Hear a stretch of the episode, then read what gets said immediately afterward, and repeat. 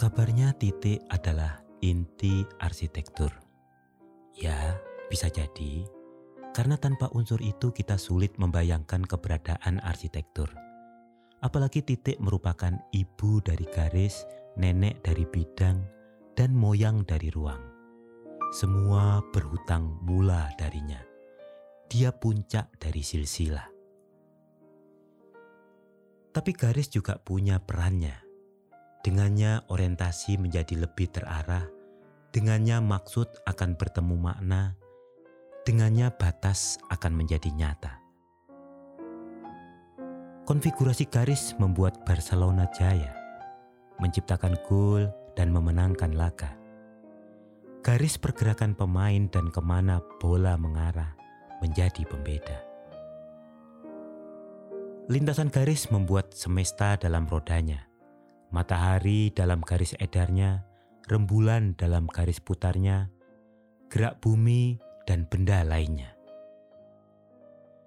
Ketika kalian duduk berseberangan di ujung-ujung meja makan, garis akan meneriakkan konfrontasi. Ketika sepasang kekasih jalan berdua di tengah padang, garis akan meneriakkan serasi menggambarkan kesamaan garis tujuan dua si joli. Tapi sebentar, bidang juga tidak kalah pentingnya. Wujud menjadi hadir karena kontribusinya, bentuk dapat dijilati cahaya karena keberadaannya. Dengannya bermacam niat menemukan ejawantahnya, dengannya beragam pola menemukan estetikanya, dengannya geometri menjadi bahasa. Ah, tapi mana ada titik kita temukan di dunia? Di mana alamat garis berada? Kapan bidang hadir sendirian menjelma? Bukankah konfigurasi yang membuat mereka mengada?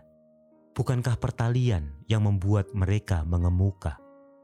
Melanjutkan Dharma menjadi kehadiran yang tertangkap indera, dan di sana ruang tercipta. Oh, berarti ini inti arsitektur. Ruang. Di sini kesan menjelma dalam suasana.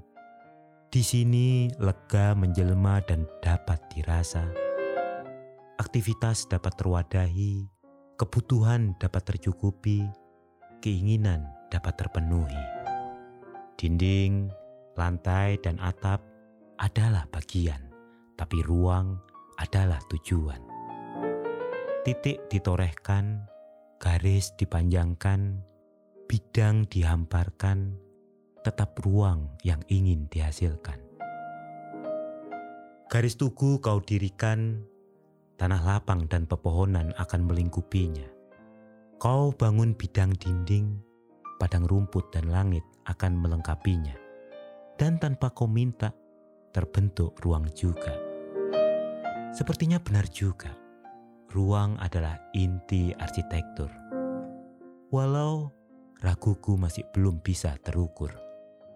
Mereka bilang bidang merupakan batas ruang. Maka aku sebut angkasa sebagai ruang dan bertanya di mana bidang pembatas ruang. Mereka menari di ruang dansa. Aku lepas dinding, lantai, dan atapnya. Di mana ruang itu sekarang berada? Ah, Sepertinya ada yang lebih inti dari arsitektur daripada sekedar ruang.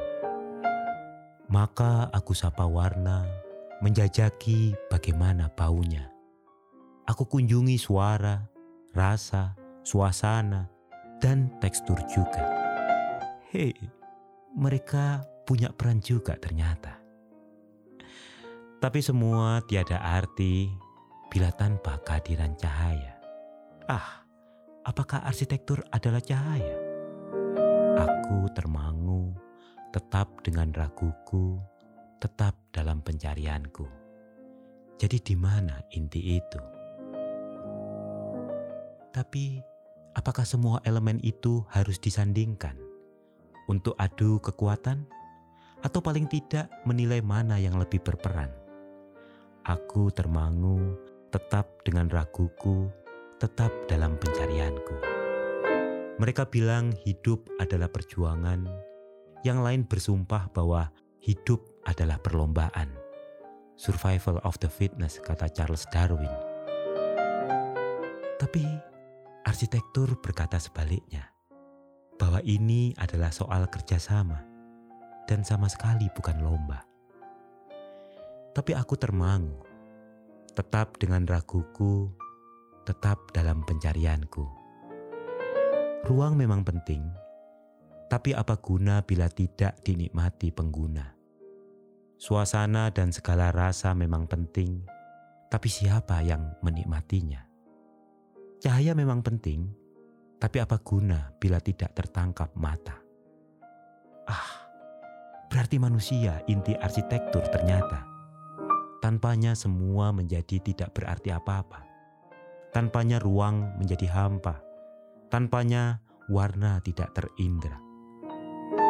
Tapi aku termangu, tetap dengan raguku, tetap dalam pencarianku, ketika kemudian angin menyapu wajahku, menurunkan ego manusiaku.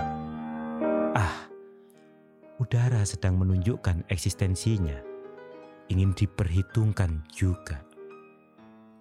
Aduh iya, nampaknya gravitasi juga yang karenanya semua ada pada tempatnya, ruang tidak melayang, bidang tidak terbang, tekstur dan warna lari entah ke mana. Maka aku termangu, kali ini tidak ada raguku. Karena aku terbentur pada zat yang menciptakan semua itu.